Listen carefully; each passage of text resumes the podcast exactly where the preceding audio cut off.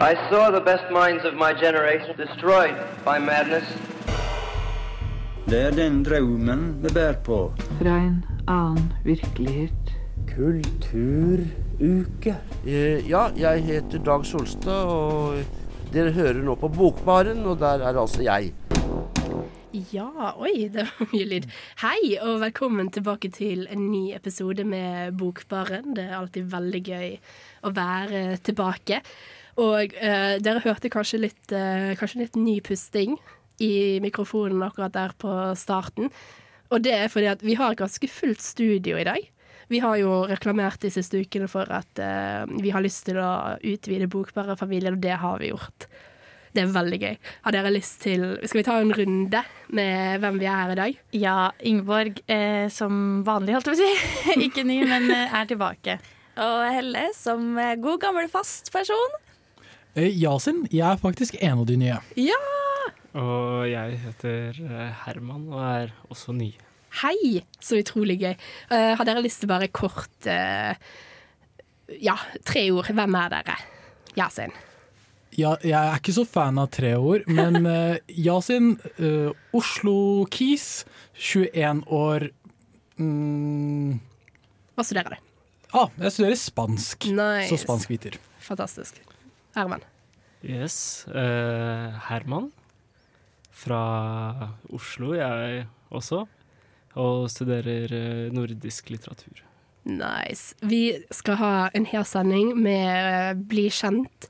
Prate litt om noen nye bøker som har kommet i det siste. Ingeborg har vært ute og fartet. Å ja da. Ja, ja, ja. Og det, det blir en fu- fullspakket Hva er det det heter? Det blir en fullstappet der, ja, sending. Jeg heter Hans Olav Brenner, og jeg syns at det er et slags eh, minstekrav til et oppegående ungt menneske å høre på Bokbarn.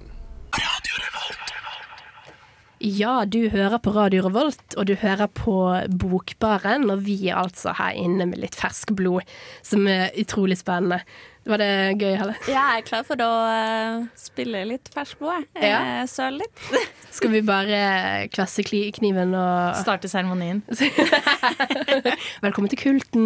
Tusen takk. Ja, jeg tenker Vi kan jo prøve å bli litt kjent med deg først, Herman. Vil du kanskje fortelle litt mer om deg selv enn hva du rakk før, eh, før låten her? Ja, vi kan jo starte med en liten oppsummert biografi. Jeg er eh, 24 år, bodde i Trondheim i fire år, siden jeg var 20. Mhm. Jeg eh, har studert litt statsvitenskap, og nå går jeg lektor i nordisk. Ja, så vi Nei, beklager. Spesialiserer meg i nordisk litteratur. Nice. Vi har faktisk tre eh, tidligere statsvitere i studio. Det, det lover jo bra for samfunnskritiske eh, segmenter utover høsten. Å, huff a meg. Ikke sant? Det blir umulig å få dere til å holde kjeft. Ja ja. Ah, men uh, hva, hva liker du å lese? Det er jo kanskje det som er mest interessant uh, å høre om. Nei, jeg foretrekker kanskje å lese mest det som er uh, litt gammelt. -hmm. Så typisk uh, 1800-tallsromaner og tidlig 1900-tall. Men jeg syns også det er gøy med litt samtidslitteratur her og der, da. Har du noen favoritter fra uh, 1800-1900-tall? Ja, eh, hvis du, hvis du tenker på norsk litteratur, så er jeg sånn Jeg syns det er ganske spennende med noe Hamsun, i hvert fall. Så veldig glad i uh, Mysterier, som han ga ut i 1892, da. Den er Ha, flott. har du noen titler du vil uh, dele av Hamsun, som du liker? Ja, det blir Mysterier jeg er veldig glad i, og så syns jeg Sult er veldig, veldig god. Den er liksom sånn omstridt hva folk syns om den, men jeg syns den er veldig, veldig fin i hvert fall. Da. Ja. Så Pan er også ganske kort og god. Også hvis jeg husker riktig, så har du kanskje nevnt at du er litt eh, Amalie Skram-entusiast også? Ja, det stemmer. Jeg er eh, veldig Veldig fan av uh, hennes uh, roman uh, 'Konstanse Ring'. Den er liksom sånn satt i Oslo og føles veldig Veldig nært hjemme, da. Ja. Og, Jeg er ikke så veldig godt kjent med den. Har du lyst til å bare forklare kort hva, hva den handler om? ja, den er eh, Den er liksom tredelt. Handler om en eh, ung, eh, ung kvinne fra Vestlandet som eh, eh, sendes til Oslo, gifter seg med en eh, ja, med en litt eldre herre som besitter litt mer penger enn henne. En eh, herr Ring. Eh, det er et kjærlighetsforhold som ikke, ikke er så særlig produktivt, da. Så blir hun litt lei. Nei, det er bare Ja. Mm. Blir litt lei av det. Så eh, går det videre inn i nye, nye andre romanser, da. Videre. Men det høres ut som du er litt glad i sånne miljøskildringer om uh, Oslo. da. Det er det jo masse å ta av. Blant annet uh, boka vi skal snakke om litt senere i dag, uh, 'Fyrstene av Finntjern', eh, av Lars Elling, som jeg har vært og intervjua. Eh, tar plass i Oslo, så kanskje det blir en ny favoritt. Men jeg har et spørsmål. Jeg lurer på om du har noe guilty pleasure-litteratur? Som eh, nå ikke lenger blir eh, på en måte din hemmelige guilty pleasure, da, men nå deler du den med alle bokbarns lyttere. du skal få lov til å føle deg veldig guilty over den likevel, altså. Ja, jeg har, jeg har noe som er litt sånn guilty pleasure, eller som jeg har tatt med meg veldig fra barndommen. Det er også noe som er veldig populært, da. Jeg er fortsatt eh, ganske stor Eller leser, kan lese Harry Potter med ganske stor entusiasme fortsatt. Det er veldig lovende for alle som skal eh, lytte til, være med og ha et eller annet forhold til bokbarn. Uh, Harry Potter er elementært. Ja, men Så bra. Absolutt. Vi, prøver, vi, må jo, vi må jo nesten få til noe mer. Jeg føler, Vi hadde jo en sending, hvis noen husker det tidligere, i eh, forrige semester, og det, vi blir jo ikke ferdig snakket i det hele tatt. Absolutt ikke ferdig. Jeg føler vi må gå inn på hver Mm. eneste bok, altså. Oh, ja, da lurer jeg på, Er det noe spesielt innenfor universet du kunne tenkt å prate om? Ja, jeg er jo jeg er jo fremtidig lærer, da, så det blir liksom den derre skole...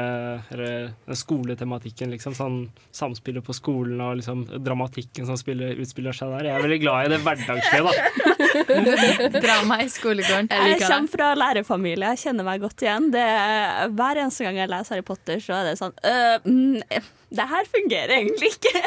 Hvordan holder de skolen sammen? Hm. Ja, sier noe det. Um, ja. Nei, jeg vet ikke. Det, det er liv, ja, Ingeborg. Ja, jeg, litteraturen, litteraturen er veldig viktig, det er ikke det, altså. Men jeg, jeg har lyst til å eh, dykke dypere inn i eh, personen Herman. Hva er din Det her er et dritkjedelig spørsmål. Favorittrett? Det er et uh, Det er ikke så kjedelig, men det er, det er veldig vanskelig. Jeg, eh, jeg er sånn Jeg må innrømme at jeg er litt sånn frankofil og syns det er veldig gøy med ting som er, eh, er fransk, så jeg, jeg vil nok si at sånn det beste jeg kan få, i hvert fall nå på høsten, er nok eh, løksuppe. Fransk oh. løksuppe. Oi, oi, oi. Godt valg. Ja, veldig godt oh. valg. Eh, og Skal vi, skal vi prøve å få til en middag hvor vi lager løksuppe? Det har jeg veldig lyst til. Det har vært jævlig Absolutt. deilig. Men jeg kan krangle litt på den. Jeg er veldig glad i finsk løksuppe. Så det, vi Hva i alle dager er finsk løksuppe? Det er litt mer sånn eh, grønnsakssuppeaktig med bare litt tilsatt melk og ris og litt sånt. Mm, kjempegodt. Oi, det hør, hørtes spennende ut, men eh, veldig annerledes enn fransk Ja, eh, men vi kan jo ha en sånn løksuppedag, da. Ja, en sånn uh, cook-off der vi uh... Oh my god, jeg gleder meg. Jeg skal begynne å kjøpe inn ting allerede. Eh, nei, da blir det dårlig. Vent, da. Da tar vi en kokeboksending, og så lager vi løksuppe. Mm. Og så da har vi en, en finkofil, kanskje det heter det, som representerer Finland her. En frankofil. Da må vi få inn en angloman dommer, da. Kanskje det skal være Torstein Bugge Høverstad. Er ikke han ganske angloman? Jeg støtter det. Det blir veldig bra. Og jeg tenker vi skal uh, høre mer om hva for type eh, Det var veldig rart ord, jeg vet ikke hvorfor jeg sa det. Uh, Jasine, og det skal vi høre mer av. Dette er Lars Elling, og du lytter til Bokbaren. Det gjør du, og eh, vi er altså her med litt nye medlemmer, som er kjempespennende. Vi har nettopp blitt betitt litt i hvert fall, bedre kjent med Herman. Da kan vi snu mikrofonen over til Yasin. Hei, hvem er du? Hei, eh, jeg er Yasin, 21 år, studerer spansk på Dragvoll og har en bachelor i statsvitenskap fra Universitetet i Oslo. Oslo Oslo er best, ja. Det er. Kontroversielt, kontroversielt å si på studentradioen i Trondheim. Nei, nei, Trondheim er en veldig kul by, vel å merke. Eh, men ja. du Yasin, nå står jo vi her i studio, og jeg bare merker at det er en markant forskjell på deg i forhold til de andre medlemmene her, og det er at du er utrolig høy. Eh, hvor høy er du? Oh, jeg er 1,91. Uh, jeg syns ikke det er så høy, men det handler litt om de kretsene jeg opererer i. Jeg har venner som er to meter. Rose til oss. Ja. Ja, de er litt lave. Mm, nei. Det var veldig gøy, for at uh, Yasin kom inn uh, på det kontoret vi har her i Singsakerbakken, uh, og så oppover sånn Det er ganske lavt under taket. Og jeg har vært med i Dette tror jeg er mitt fjerde år i studentmediene, og jeg har aldri tenkt over det. Mm, jeg tror bare det er sånn hvis du er lav, så tenker du ikke over det. Men uh, ja. Takk. Tusen takk. Nei, nei, nei, det er bra å være lav, jeg lover. Det går bra. Jeg har hatt kunder på jobb som har kalt meg for hun lave inne på tekstilavdelingen. Så det går fint. Men uh, nok om meg og mine hva si, høyderelaterte traumer. Fortell litt om hvilke bøker du liker å lese. Ja, uh, jeg jeg liker veldig godt å lese fantasy, og så kan jeg eh, av og til digge å lese litt historisk fiksjon, men da er det veldig spesifikt sånn eh, at det må foregå i Latin-Amerika eller i Afrika. Litt sånn gjerne under kolonitiden, for eksempel. Det er my type of shit, for å si det mildt. ja. Så gøy. Oi, nå må jeg Veldig sånn politiske saker, da. Men eh, vi spurte jo Herman om guilty pleasure i stad. Eh, nå vil jeg gjerne vite, eh, har du noen guilty pleasures? For du virker jo litt mer skamløs, egentlig. Ja, eh, jeg vil først og fremst si at Harry Potter ikke er en guilty pleasure, eh, fordi jeg elsker å lese Harry Potter. Men kanskje det litt sånn ikke akseptert eh, ting jeg liker å lese, er fanfiction. Jeg er en stor fan. Hei! Ja, det er veldig, veldig bra. Og så kan jeg ta og lese litt sånn underground superheltfiksjon som jeg finner på nettet. Så bare å søke. Jeg anbefaler Worm. Veldig kul bok. Nice. Eh, kommentar, fordi ehm, jeg er, kan på en måte eh, Altså, hallo, du snakker med en person som sovner til Harry Potter every day of my life. Eh, de lydbokene er liksom eh, white noise for meg. Men eh, i vår krets, akademia, litteratur- og språkstudenter, så er det faktisk det er, det, det er, det er liksom din høydekrets. Eh, at eh, til de, eller til de riktige Nei, egentlig kanskje til de feil folka der, så er det å si at du leser Harry Potter Absolutt. Da må du understreke det som en guilty pleasure, liksom. Ja, Det- det er hvis- nesten mm. litt trist. Ja. Det er veldig trist, ja. Skuffende, faktisk. Og jeg ser meg litt skyldig i å synes fortsatt at det er litt guilty pleasure, men Ja. er. Jeg tror det er sånn jeg pekte meg ut i litteraturkretsen. Det at jeg begynte å diskutere manga og fanfiction med professorene mine under forelesning. Og folk innså at å ja, OK, hun der er litt sær. Jo, men det, jeg føler dette her bokverden skal være et sånn safe space hvor vi eh, kan late som at måtte, her er det trygt, ingen kommer få høre om alle de eh, litt sånn kleine tingene vi liker å lese. Så kan vi normalisere, normalisere sånt. ja, jeg vil bare skyte inn at manga, det er høykultur. Takk. Oi. Enig. Veldig enig. Nå begynner jeg å like deg mer og mer, Herman, selv om jeg kjenner deg ganske lite. Ja, alle vi fem som står her i studio, blir jo kjent eh, eh, akkurat på samme tid som du som lytter til oss nå live, blir eh, kjent med oss. Så det er jo litt gøy. Men ja, av de her eh, eh, verkene du Eller du nevnte ikke noe spesifikt verk i stad, Yasin. Du nevnte litt sånn hvilke sjangere og hvilke hva skal jeg si eh, Epoker, og sånn du liker å lese. Har du noen sånne spesifikke titler? Så har du en favorittbok, f.eks.? Og, eh, hvis jeg ser bort fra Harry Potter, som egentlig har vært hele barndommen min, så tror jeg jeg elsker George R.R. Martin. Eh, Ja. A Song of Ice and Fire, eh, som ungdommen sier er bombe. Mhm. eh, jeg tror de sier det iallfall.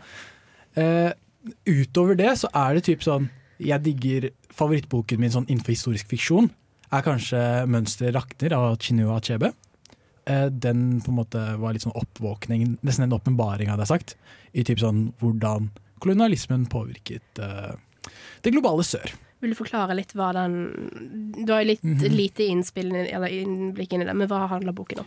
Ja, eh, det følger på en måte en afrikansk mann eh, under koloniperioden i da, si, dagens Nigeria, og typ der, oppfattelsen fra deres side da, framfor hvordan det var når europeerne kom, framfor typ Nei, at, la, at liksom eh, fordi veldig mange bøker har jo handlet om det motsatte. At typ folk kommer ah, nå Her har vi en eh, dame fra f.eks. Storbritannia som reiser til USA og møter for urbefolkningen der. Det er typ en litt annen dynamikk da, og litt andre perspektiver som kommer frem. Så spennende. Eh, jeg har et siste spørsmål som jeg har lyst til å spille til dere begge to. Og jeg mener at det var noe vi fikk eh, da vi startet i Bokbaren. Og jeg lurer på om dere kan beskrive hva dere har i kjøleskapet. Eh, Jeg kom akkurat fra Oslo. Eh, Jeg var der i helgen. Eh, Og det jeg har i kjøleskapet nå, tror jeg er en ost. Som ikke har noe papir over seg. eller- Ok, Men hva har du alltid i kjøleskapet, da? Ja, men jeg har egentlig Jeg jeg er en person som kjøper ting når jeg trenger det, og så spiser jeg veldig mye ute. Ikke så lurt for stuntøkonomien. Ja. Det er veldig rart. Ja, jeg kom også hjem fra Oslo i, i går. Og i dag tidlig skulle jeg ha med noe frokost. Så åpner jeg kjøleskapet, skal jeg se om det er noe pålegg der. Der ligger det én tube majones, og det er det. Tragisk! Det er veldig lov. Så dere skal egentlig på butikken uh, etter sending i dag, er det jeg hører. Det stemmer. Nice. Det uh, Da har vi på en måte, gitt litt info kanskje til dere, blitt litt bedre kjent. Mitt navn er Stein Torleif Bjella. Lytt til Bokbarn. Ja, lytt til Bokbaren. Og det er kanskje det du gjør nå, kjære lytter. Det er veldig glad for å ha deg her, i hvert fall. Og vi er veldig glad for at vi har et ganske fullstappet eh, studio. Så velkommen tilbake. Vi blir kjent. Eh, og jeg tenker på en måte jeg kan høre litt om eh, Ja, dere er nye. Kanskje litt ferskt blod. Har mange tanker, mange ideer. Marte er veldig opptatt av at dere er ferske blod. Jeg gleder meg så mye til å søle blodet deres over hele studio. Det blir så deilig. Nei. Og da blir jeg satt ut. Vi skal ha blodpudding. Vi tror ikke alle er- seere med blodfobi. Ja, ikke sant. Jeg tror bare det der at vi føler oss litt eh, gamle. Det er mer det, mer det det handler om, enn at Ja. det, det, dere er eh, ferskt eh, blod. Jeg skal google eh, synonymer på dette her eh, i løpet av neste låt. Ikke tenk på det. Marte er liksom en sånn troll fra den der filmen 'Trolljegeren'. Ja, lukter kristenmannsblod! sånn gammel heks som bare går i gangene her på studio. Lukter etter Nei, uff. Eh, nå vet ikke jeg hvordan jeg skal spille dette videre. Jeg vet det. Eh, OK, så dere er ferskt blod i radioen, men dere er også delvis ferskt blod i Trondheim. Eh, og jeg var veldig sånn Dere er Oslo-gutter begge to. Og jeg vil gjerne vite liksom åssen dere endte opp i Trondheim. Eh, så Herman, fortell meg. Ja, eh, nå, skal, nå skal dere få høre. Ja. Det er eh, veldig tilfeldig, egentlig, hele, hele, hele greia. Jeg eh, var i Forsvaret i mellom 2017 og 2018. Hvor var du? På eh, Jeg var grensejeger på grensa til eh, Russland. Eller mellom Norge og Oi. Russland. Wow. Så Det er helt sånn en tolvte mann-stemning, det her. ja, så oppholdt meg der en, en sommer og en vinter, og syntes at det var veldig gøy. Jeg hadde Før jeg dro i Forsvaret, så visste jeg bare om ett sted der man kunne studere, og det var på Blindern. Å oh, var- Å nei! Hjelp! Ja, jeg trodde at, uh, jeg trodde at uh, Blindern det var det eneste stedet det gikk an å studere i, uh, i Norge, og at det var der jeg skulle studere. Jeg hadde kommet inn på medievitenskap rett etter videregående, men uh, droppa å starte fordi jeg bare hadde lyst til å jobbe litt og sånn, for jeg dro i Forsvaret. Men da jeg var der oppe i Kirkenes, møtte jeg mange hyggelige mennesker. eh, Første gang jeg møtte, møtte mennesker som ikke var fra Oslo. Første gang jeg møtte trøndere, med andre ord. Så skummelt! Og oh, uff. Ja, nå høres jeg veldig skjermet ut, da, men eh, ja, møtte mye hyggelige folk som sa at det gikk an å studere i en, eh, en liten by midt i landet. Og Hva? Stjørdal? Leirskolen på Levanger. Men øh, ja, jeg søkte. Søkte på statsvitenskap på Dragvoll, og starta der høsten 2018. Og etter det har jeg bytta studieretning, men jeg har i hvert fall blitt. Altså dette har vært her i ja, rundt fire år, da, med unntak av et lite opphold i København i vår. Ja, så du har flytta inn på Dragvoll, da? Ja, jeg, eh, jeg har vært der eh, Jeg vil ikke si nok, men jeg har vært der mye. OK. Um, det er kanskje noen som lytter på podkasten eller på radioen her, og så er litt ny i Trondheim, ny på Dragvoll. Uh, har du favorittområde Hva er liksom Har du noen skjulte perler på Dragvoll som du tør å dele med andre? Ja, jeg vil ikke, vil ikke si at det er en skjult perle, men for meg er det det stedet jeg liker, liker meg best på, på Dragvoll. Det er eh, opp på biblioteket, og så over broa, Ja, inn på terminalen, og så sitte der i stillesonen og Mm. se ut.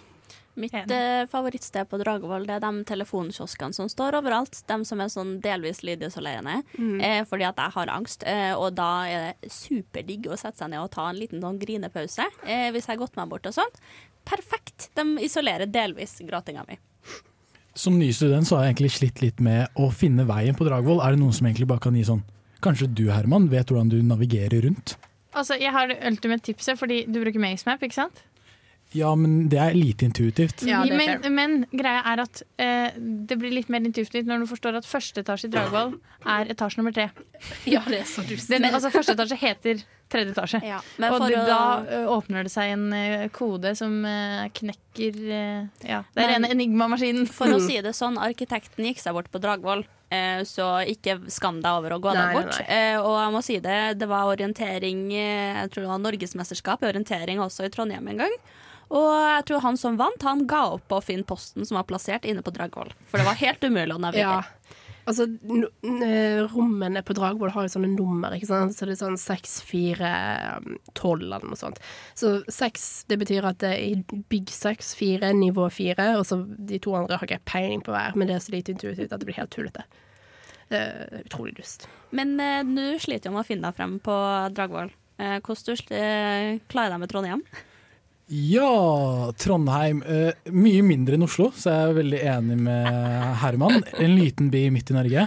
Eller kanskje et lite tettsted. Er okay, Ok, ord på- ok. Nei, nei. Uh, nei uh, synes egentlig det er ganske greit å komme fram. Det jeg ikke skjønner, er hvorfor busstoppene liksom går innenfor samme sånn, Bussen kjører samme busstopp to ganger på rad. Og Det er en greie som ikke skjer i Oslo. Man, okay. ja, eh, ikke ta linje 22 til Vestlia. Å, ja, nei, ja, nei, ja, nei, ja, mm, litt Og dårlig. ikke ta tolleren til Dragvoll. Det, Mm. det er mange do's and don'ts. Selvfølgelig Hvis du bor i på ruta til tolleren, så har du ikke så mye valg, da, men Nei, men det er forferdelig buss.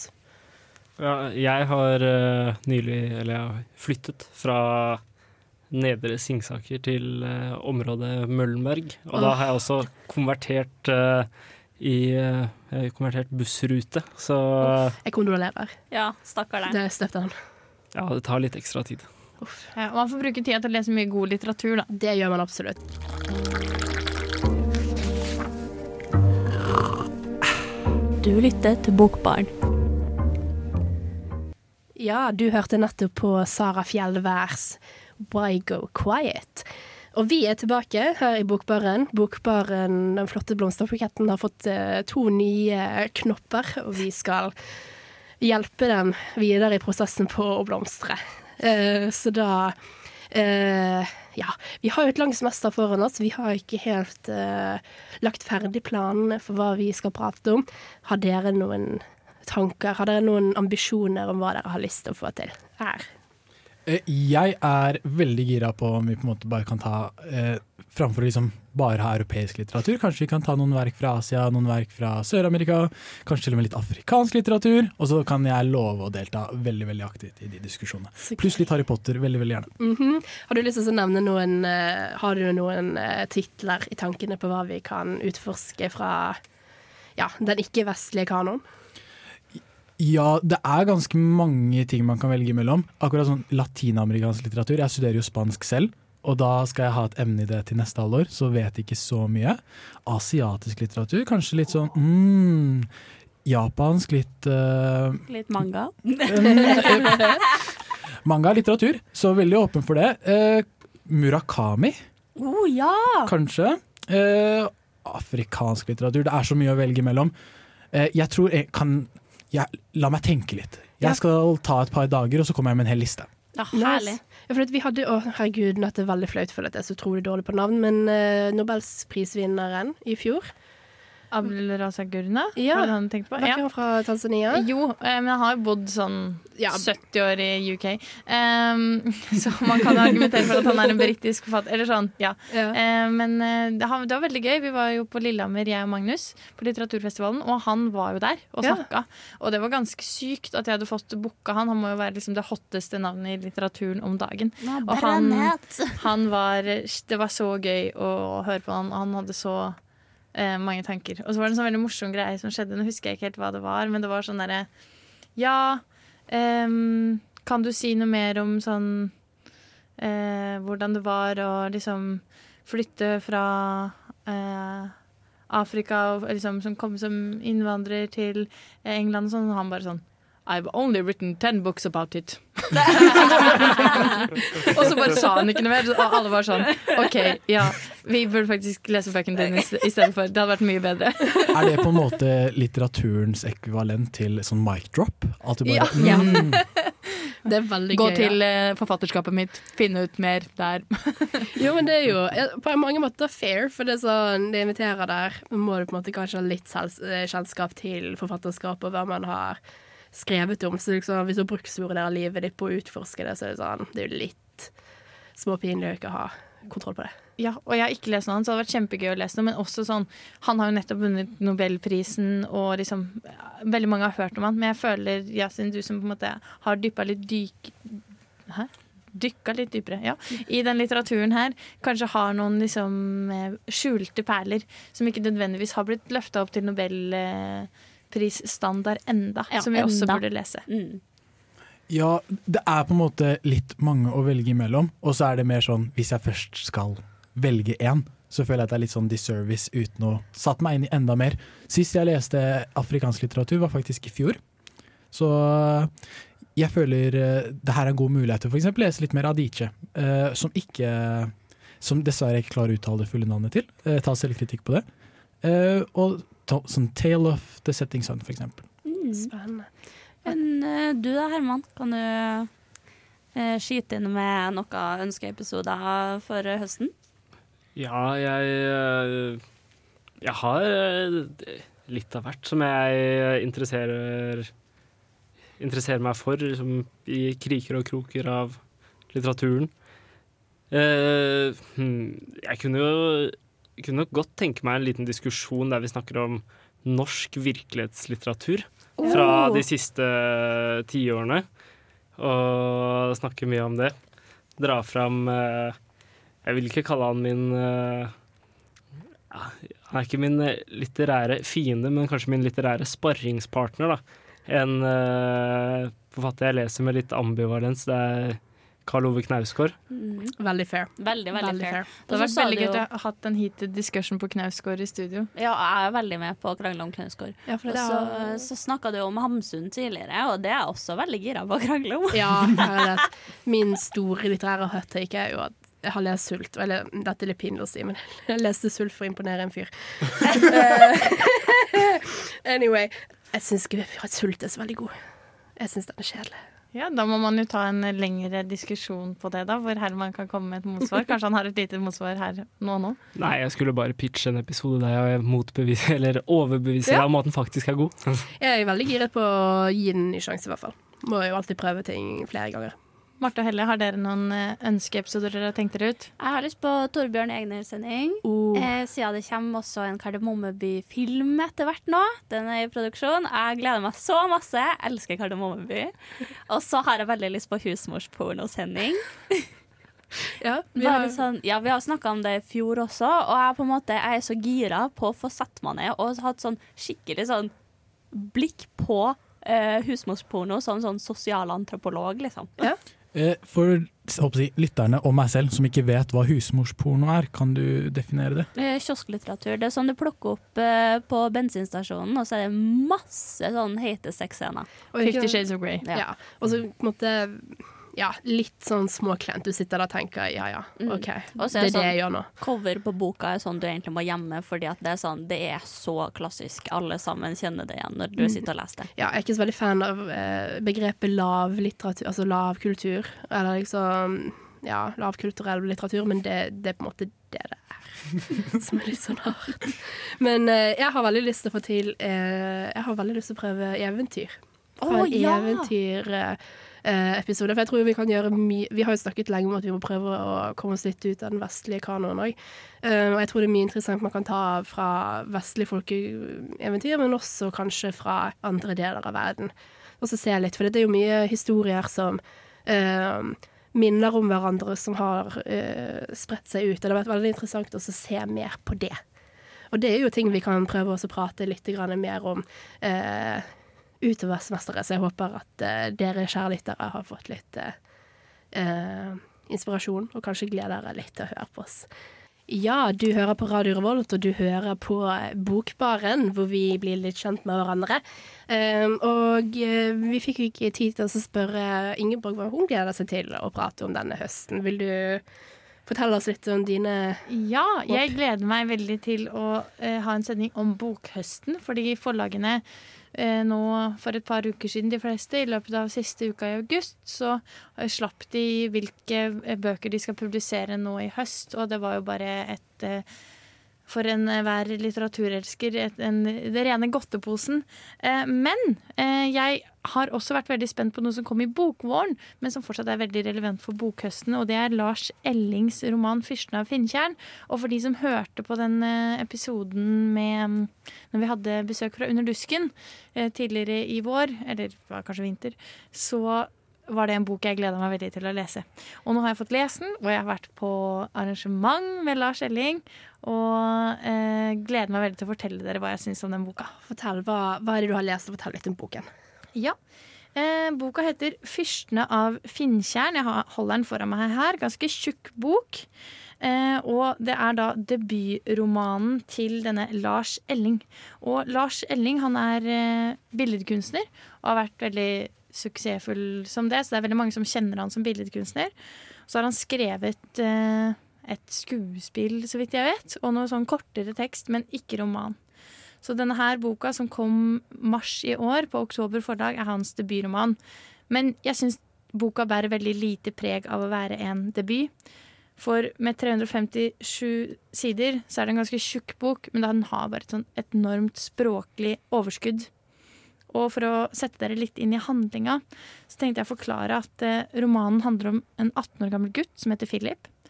Og romanen er satt i Oslo i 1985. Og Philip han går siste året på videregående og er litt sånn ufrivillig fanga i en sånn dårlig familiesituasjon. Familiekonflikt egentlig som har vart i mange generasjoner. Og ønsker veldig å fjerne seg fra det her. Men det er også en annen tematikk som liksom foregår. Det er at han søker etter sin strek, sin kunstneriske eh, uttrykk. Og det viser seg at dette uttrykket, det finner han eh, i kjelleren på denne generasjonsboligen, hvor den sure, gamle bestefaren Arnstein sitter på noen skikkelig gode historier. For det er et eller annet som skurrer i den familien her. Det er en, eh, en veldig merkelig konf familiekonflikt som fører til at Arnstein og naboen, som er Arnsteins bror, ikke har snakka sammen på en mannsalder. Og litt av det her spurte jeg Lars Elling om når jeg møtte han på Litteraturhuset i forrige uke. Så spennende. Da tror jeg vi høre intervjuet som Ingeborg hadde med Lars Elling. Nei, men Så flott at du ville ta en prat da, Lars Elling. Ja, så hyggelig å bli bedt. Ja, Du har jo debutert med den eh, boka 'Fyrsten av Finntjern' på oktober i mars i år, stemmer det? Ja, det 25. stemmer. mars. Ja, noe sånt. I mars, ja. Mm. Hvordan har det vært å debutere, og ikke minst ha såpass stor suksess da, som du har hatt med, med boka? Det har vært en helt udelt glede. det, Altså, kjempemorsomt og nytt felt for meg. Mhm. Og morsomt å oppleve sånn på avstand, for jeg bor jo i Sør-Afrika. Så um, 10 000 km unna så synes det ikke så godt, men det, jeg har fulgt med på det. Og registrert at den er fint anmeldt, og at den går bra. Så det er kjempegøy. Over 17 uker nå, kanskje, på bestselgerlista. Det er jo 23. Helt, 23, ja, ikke sant. Ehm, det er jo helt fantastisk. Ja, det er helt spesielt. Og Frist, veldig uventa. Frister det til å skrive noe mer når man måtte ha så stor suksess? Ja, ikke spesielt av det, men fordi at eh, jeg syns det var så stas å skrive. Jeg var ikke klar over at jeg likte det. Så um, Aldri prøvd meg i, i langformatet, men eh, Det er faktisk sånn at jeg egentlig Det er hyggelig å ha en bok ute som eh, lever i verden og som fungerer godt, men det var enda morsommere å ha et manus. Så hvis jeg kunne velge, så ville jeg gått tilbake til manuset mitt og blitt der. Ja, til prosessen. Ja, den prosessen var så interessant. Da viser jeg jo at det å skrive Jeg har trodd det var litt som å tenke og litt som å snakke, men det er ikke det. Det er en tredje ting som kanskje ligger i skjæringspunktet mellom de to. Ja, eh, for det er jo, som du sier, kanskje et litt eh, ikke ukjent, men eh, uvant eh, medium for deg å operere i. For mange kjenner deg jo kanskje først og fremst som kunstner. Hvordan kom du på en måte inn på skrivinga? Eh, rett og slett av eh, kjedsomhet og desperasjon. Jeg har jo gjennomlevd en pandemi, også, som de fleste. av. Men jeg hadde også en sånn rar periode hvor jeg mista faren min plutselig og gikk og sørget over han. Og så holdt jeg en utstilling som hadde med det elementet i seg. Som ble utsatt ved flere anledninger pga. pandemien. Og så til slutt åpnet den, og da var det mulig å se den i tre uker. Så bråstengte den igjen. Og da mista jeg egentlig all energi til å gå tilbake til atelieret og fortsette på et maleprosjekt. Um, all den tid vi tenkte at det, kanskje man hadde forvist noe igjen. Det var jo en, en stund man lurte på hvordan dette gikk. Og det slo meg som veldig nevrotisk å skulle da stå og male og sette vekk på et lager. Så jeg, jeg bestemte meg for å hoppe av. Og, så da fikk jeg et slags eh, trykk som måtte brukes til noe. Og da tenkte jeg at det er jo i hvert fall alle klisjeers mor. Jeg prøver å skrive en roman. Så, så jeg satte meg ned i all hemmelighet og så begynte på det. Og etter noen uker så begynte jeg å få tak i et stoff og jeg begynte å få tak i en stemme som jeg tenkte kanskje var min. Det er det samme grunn som at mange andre skriver òg. Kanskje et behov for å, for å uttrykke seg og si noe da, i denne situasjonen som du har stått i, som er jo ganske spesiell og, og veldig nær for deg, som har opplevd et tap. Ja, ja, absolutt. Absolutt. Også det er man snakker om dette meningstapet da, som mange har opplevd gjennom pandemien. At de, de har stått i et visst, de har hatt et visst grensesnitt mot verden, så blir det fratatt dem. Og så, så skal man liksom gjøre det beste ut av det. Bare få full oversikt over eh, Netflix-universet og sitte og drikke aleine. Det er mange som har gjort det. Og tristessen ved det Jeg er også, jeg er også familie, så jeg, vi har vært eh, fem personer på 100 kvadratmeter. Vi har blitt sprø, rett og slett. Så jeg måtte gjøre noe. Jeg måtte gjøre noe. Og da tenkte jeg bok. Det er jo sånn at man gjerne blir fengsla med en tittel og et omslag på en bok når man Ja. skal eh, plukke den opp. Romanen har veldig fint eh, omslag også. Mm, det er fantastisk fotografi. Det har jeg funnet du, bare ved en tilfeldighet. Dette er en, dette er eh, en fotografisk original fra 1915 som viser snarefangst av stær. Fantastisk bilde. Jeg, jeg, søk, jeg søkte på, um, på det. Snarefangst av stær. Og da kom det opp som første på søket. Så lå det på digitalt museum, for det mulig å laste det ned. Det er nesten umulig å ha sånn flaks.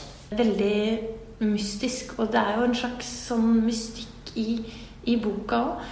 Jeg lurer på om du har gjort deg noen tanker om kanskje at det er en av grunnene til at den har falt i så god jord, eller at mange har valgt å lese den og liker den så godt. At folk har hungra litt etter en sånn herre generasjonsfortelling som ser ting på en litt annen måte enn eh, det som har kommet i norsk litteratur de siste årene. Altså det, er, det er jo veldig mye av norsk litteratur som, som i mange år har, har dreid seg om nokså små forflytninger i maktforholdet mellom et ektepar f.eks. Som er satt under et visst press i en slags uh, i en, i en, i en, under et borgerlig trykk, da kan du si. Også. jeg hadde ikke klart å skrive noe interessant om det, tror jeg. Uh, selv om det er interessant nok i seg sjøl, så ville det ikke vært min stemme. Så jeg har uh, jeg har hatt, Sånn som også i maleriet, så har jeg lyst på noe mye mer grenseoverskridende og, og om ikke svulstig, så i hvert fall forførisk på en måte. da. At det er forførisk og uhyggelig og um, og at det, har at det er fortelling og drama. Jeg ønsker meg heller det. Boka er bygd opp av to ulike tidslinjer, hvis man kan si det sånn. Mm. En som utspiller seg i 1985, og en i 1914. Kan du Ja, fortelle litt 1912 til 1914. 1912 til De siste somrene. Kan du fortelle litt om på en måte, hvordan du har jobba med selve oppbygninga der? Eh, Har det vært krevende å skulle bevege seg mellom to tidslinjer, eller har det vært naturlig? Hvordan har skriveprosessen vært? Ja, skriveprosessen har vært veldig interessant, fordi jeg har valgt å skrive på samme måte som jeg, som jeg maler. At jeg ikke lager skisser og ikke planlegger. Så jeg går på og så ser jeg hva som skjer, og så reagerer jeg på det. Og det har jeg gjort her også. Jeg har rett og slett bare begynt klokka ni, og så skrevet fram til klokka ett. eh, basert bare på en setning eller et innfall. Og så har jeg pakka det vekk i en mappe og ikke sett på det. Når, når det hadde gått åtte uker, så hadde jeg veldig mange mapper. Og da begynte jeg å lese det opp igjen, så så jeg at det var en tråd mellom det på et vis. Og så er det en sånn overbygningshistorie som er eh, biografisk fra min families side. Hvor min bestefar og hans lillebror faktisk ble kasta ut om sommeren.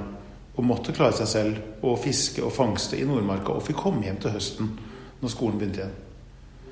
Og det båndet som ble bygd mellom de brødrene, det ble jo så, kan jeg tenke meg, er så sterkt og ubrytelig. Og tenk hvor avhengig de må ha vært av hverandre når de var sånne småtasser og levde under åpen himmel. Og allikevel, i den tiden jeg kjente dem, og i de tolv årene jeg bodde i etasjen over min bestefar, på denne tomta som var delt i to av et gjerde, så vekslet de aldri et ord. Og de døde uten å forsones.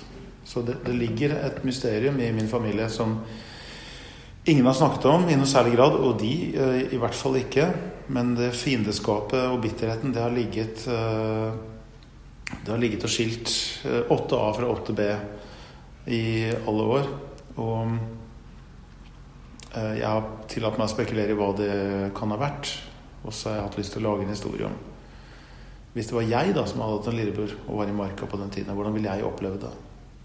Det hadde alltid vært fremstilt som en slags straff til blir bli kasta ut. Og øh, min søster og jeg vi har alltid fått høre at ja, dere er så bortskjemte klager at det røykes i bilen. Liksom. Men tenk på hvordan det var for bestefar, som måtte bo i skogen da han var liten. Og så har det vært, det vært som en, sånn, eh, en slags advarsel av hvor fælt det var før. Men jeg har også vært mye i skogen, og jeg har alltid likt det. Så jeg har tenkt at tenk om det ikke var to stakkars gutter som liksom eh, sultne og møkkete liksom rekte langs stiene og, og så vidt klarte seg. Tenk om de var fyrstene av Fintjern? Tenk om de var monarkene av Nordmarka. Hvis jeg klarte å lage det perfekte brødreparet, hvordan skulle det vært? ikke sant? To som er helt sånn symbiotisk knytta til hverandre. Og hva kan være så sterkt at de rives fra hverandre? Hvordan kan to så tette brødre bli bitre uvenner og holde den bitterheten i hevd gjennom hele livet? Hva kan ha skjedd?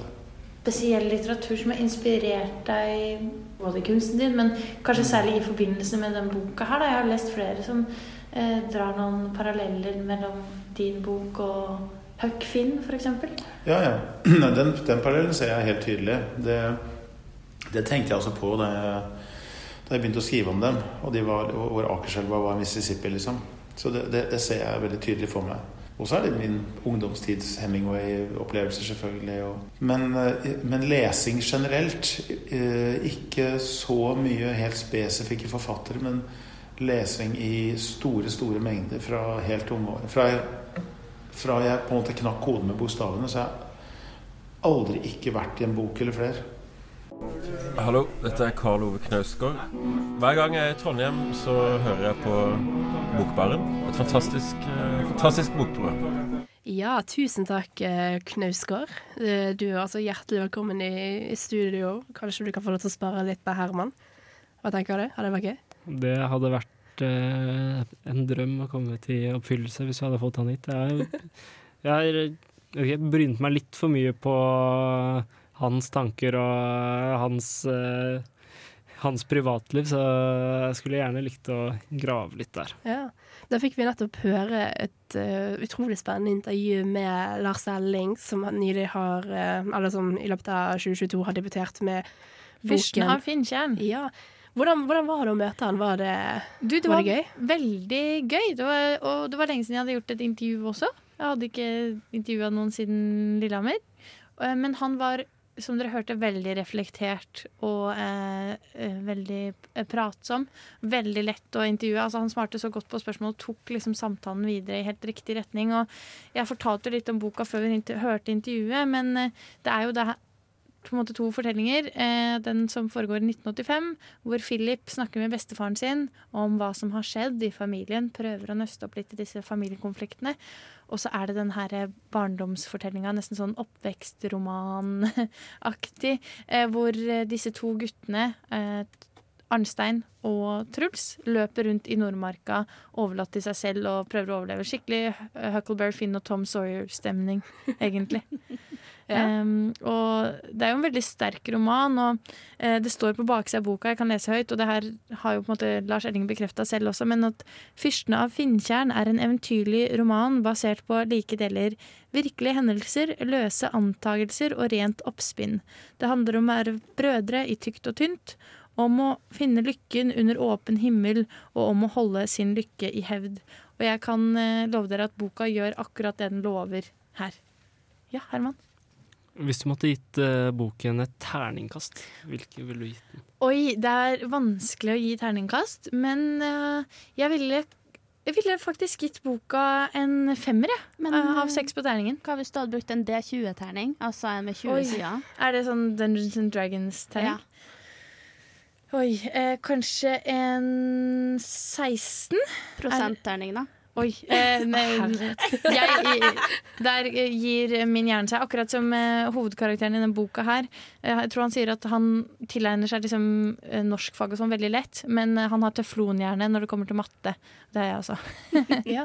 Eh, eh, altså dårlig hukommelse, så jeg husker ikke om du spurte, men er det noe på en måte, biografisk med eh, denne boken her, eller er det bare Ja, han sier jo det at det er på en måte bygd på virkelige hendelser fra hans familie. Og det skal sies, altså sånn, det her er en veldig morsom bok også. Det er masse humor, for han har så godt språk, så jeg føler han evner å skildre det her. Og sånne familiefeider, er, selv om de er tragiske, så kan de jo på en måte være komiske òg. Mhm. Det er blant annet et eh, en del, Boka er delt inn i fem deler, da. Veldig sånn klassisk eh, eh, oppbygning der.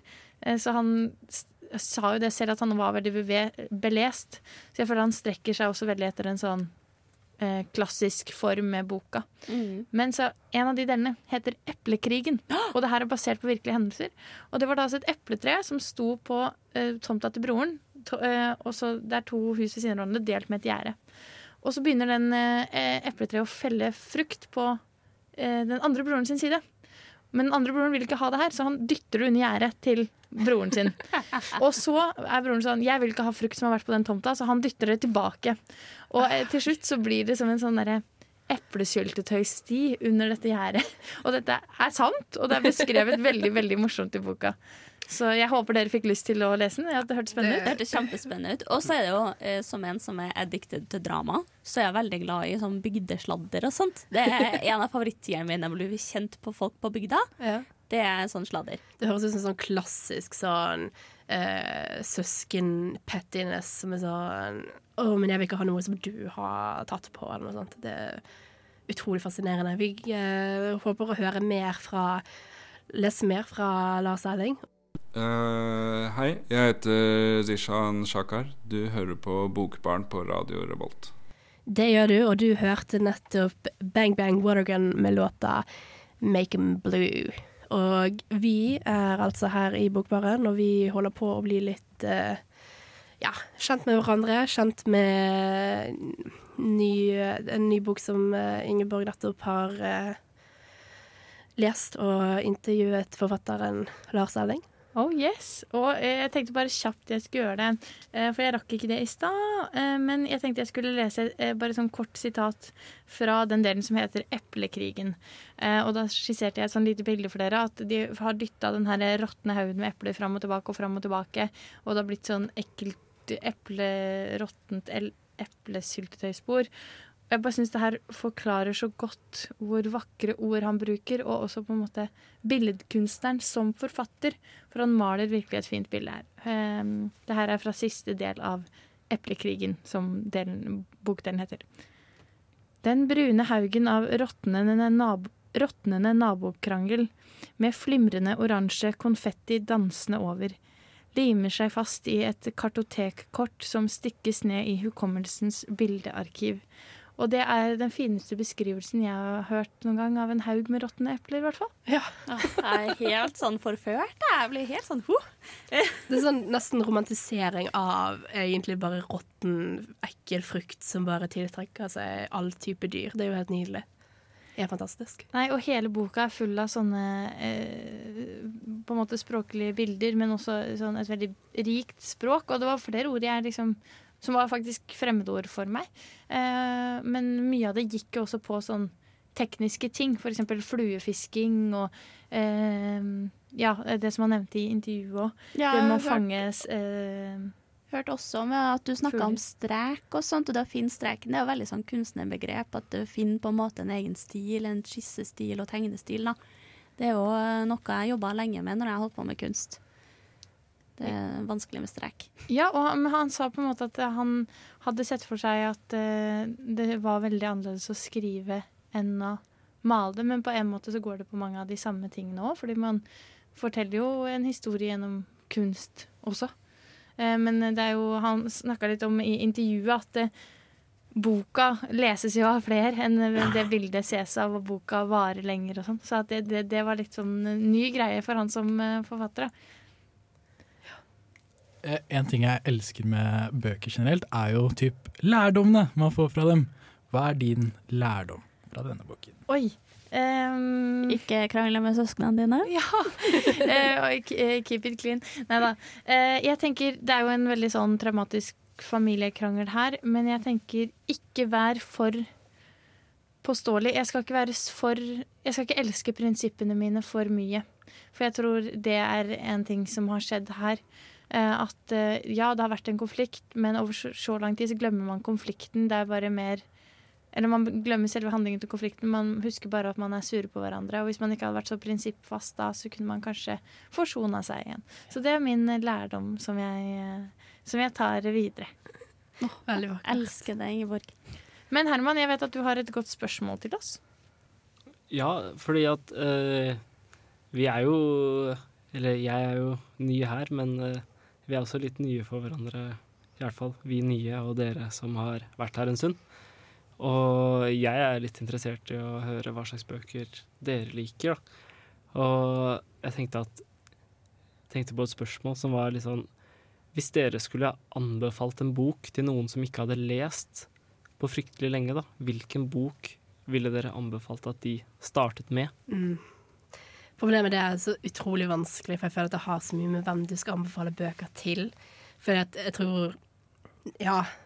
Jeg vil ikke liksom anbefale en fantasybok til hvem som helst, men uh, en bok som jeg leste i sommer, som jeg syns var veldig bra, og som uh, er veldig lettleselig. Og hvis du liker uh, bøker som utforsker relasjoner, så vil jeg anbefale 'Normal People' av Sally Rooney. Eh, det utforsker da eh, et forhold mellom Marianne og Connell, fra, som bor i Irland, og på en måte de eh, skiftende forholdet mellom vennskap og noe mer romantisk over en syvårsperiode. Um, veldig frustrerende karakterer, for det er utrolig mange feil med dem, og det er utrolig dårlig på å kommunisere. De, de klarer ikke å prate sammen om ting som betyr noe i det hele tatt, så det er sånn utrolig mye problemer som de møter opp som kunne vært unngått. Men um, kanskje noe i den retningen der. Hva med deg, Yasin? Uh, jeg kan faktisk tenke meg sånn okay, Hva hadde vært en god person å anbefale til? Jeg ser for meg en 18 år gammel person som er litt lei lesing. Eh, kanskje fra Oslo, til og med. Nei. Eh, men eh, det var faktisk en bok i norsken som jeg fikk veldig mye ut av, som het Barsak. Jeg håper noen Nei. Nei. Handler, nei, eh, handler kort og godt om en norsk jente som eh, drar på familieferie til Gran Canaria. Og på en måte lever i en idyll før det.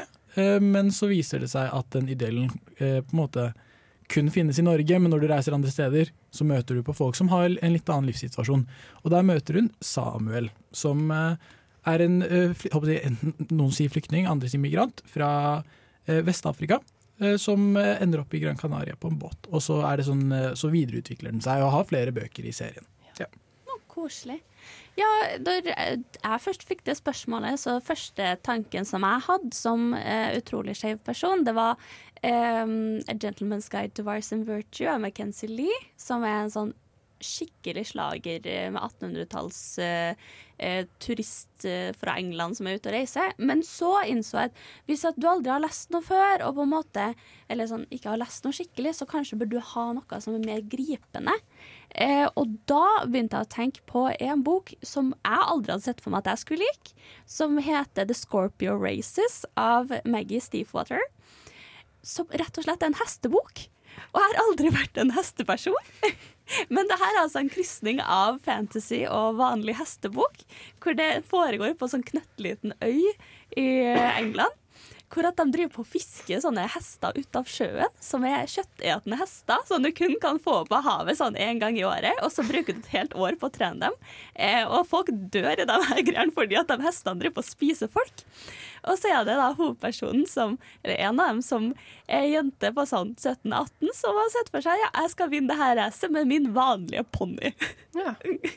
og så er det så klart en annen hestetrener som er med, da, som er mer sånn erfaren med de her eh, skumle, farlige hestene. Da. Så det er veldig sånn what?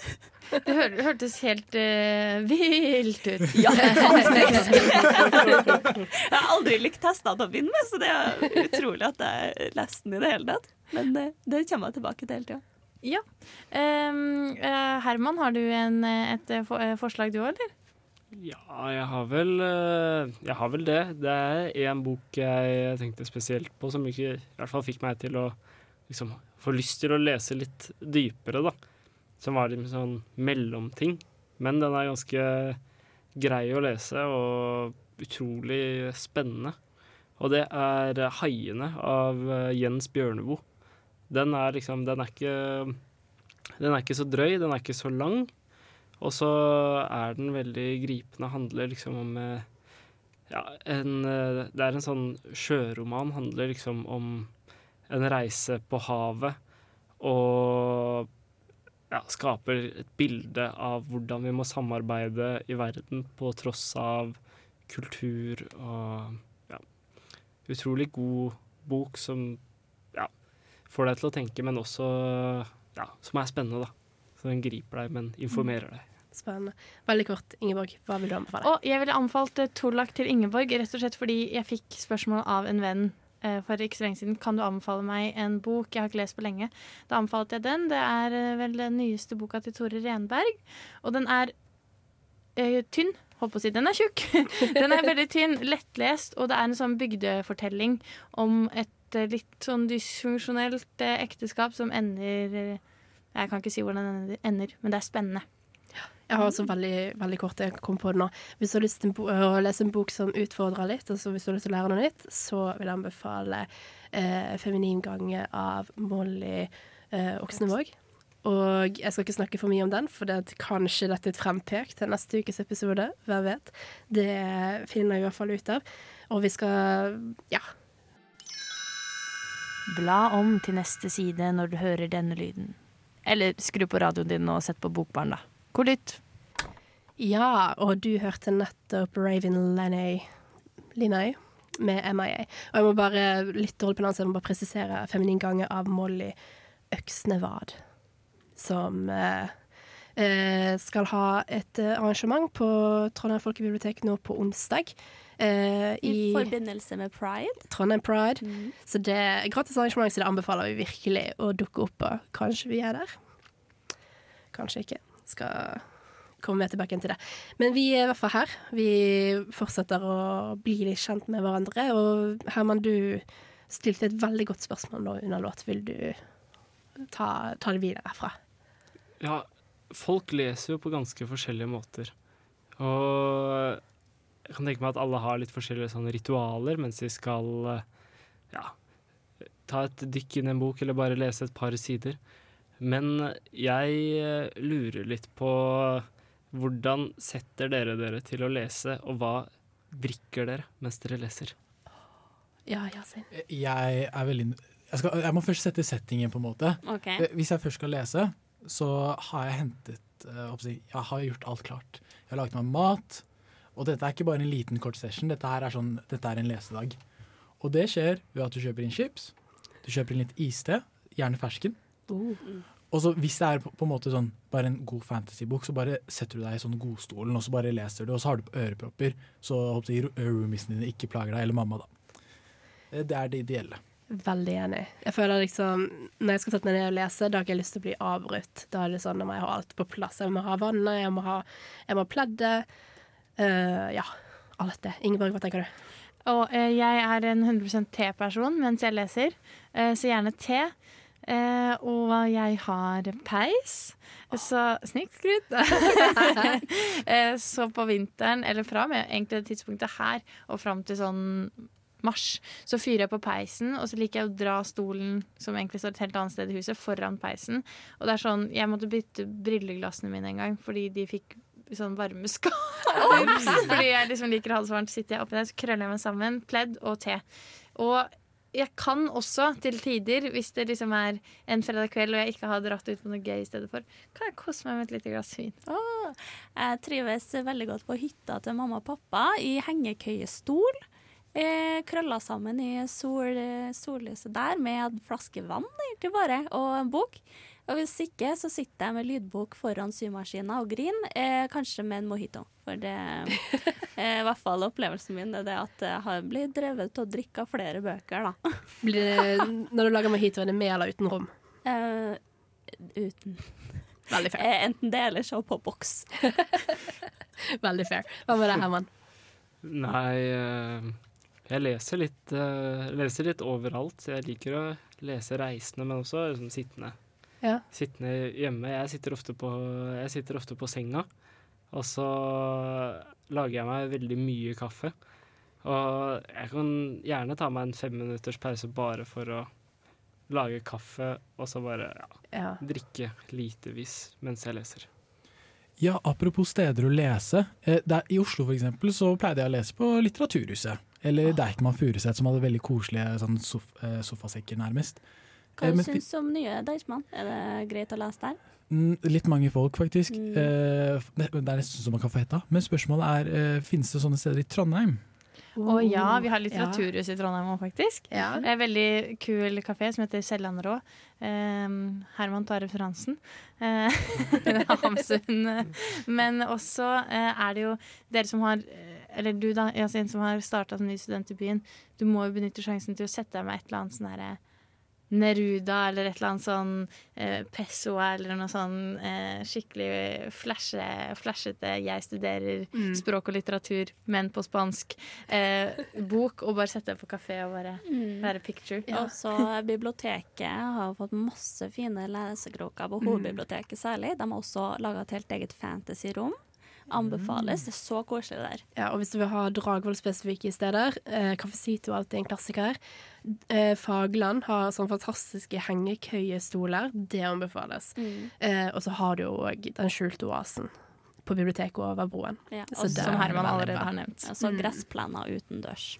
Ja, og det Da har også du, kjære lytter, fått fantastiske tips til hvor det er digg å lese. Eh, Så det, når du er ferdig å høre her på Bokbaren, så eh, anbefaler vi å oppsøke et av de stedene. Jeg heter Erlend Nøttet, og du hører på Studentradioen i Trondheim. Ja, det gjør du. Og for en nydelig dialekt, om jeg skal si det selv. OK. Ah, Men da har du blitt litt bedre kjent med oss. Eh, og jeg tenker nå skal dere få lov til å fortelle Gi lesetips. Ja, jeg kan, jeg kan starte. Eh, hvis jeg skulle gitt ett lesetips for å ja, skape reiselyst hos eh, dere, så ville jeg lest 'En varig fest' av Ernest Hemingway. 'A Movable Feast' på engelsk. Utrolig god bok. Nice. Ja, eh, jeg skal være så dristig å faktisk notere en bok jeg ikke har begynt å lese ennå, nemlig 'Cellisten' av Sarajevo. Hvis du har lyst til å lære litt om hvordan livet under krig på er. Eller, Fantastisk. Da skal du få lesetips fra Lars Alley. Ja, det har jeg. Um, akkurat nå så leser jeg den veldig fine boka til han visesangeren Stein Torleif Bjella. 'Fiskehuset'. Uh, og, og den er en, jeg har en viss parallellitet med mitt eget prosjekt, faktisk. Den er ikke avskrekkende tjukk, og den er veldig sånn uh, klangriktig. Man hører de stemmene veldig tydelig for seg, man ser det veldig tydelig for seg. Den har vært veldig god på å ta deg inn i, inn i sin situasjon og fortelle om dette mystiske vannet, da, som må fiskes på en viss måte. Der er det også en sint gammel mann og en yngre fyr som skal ta over.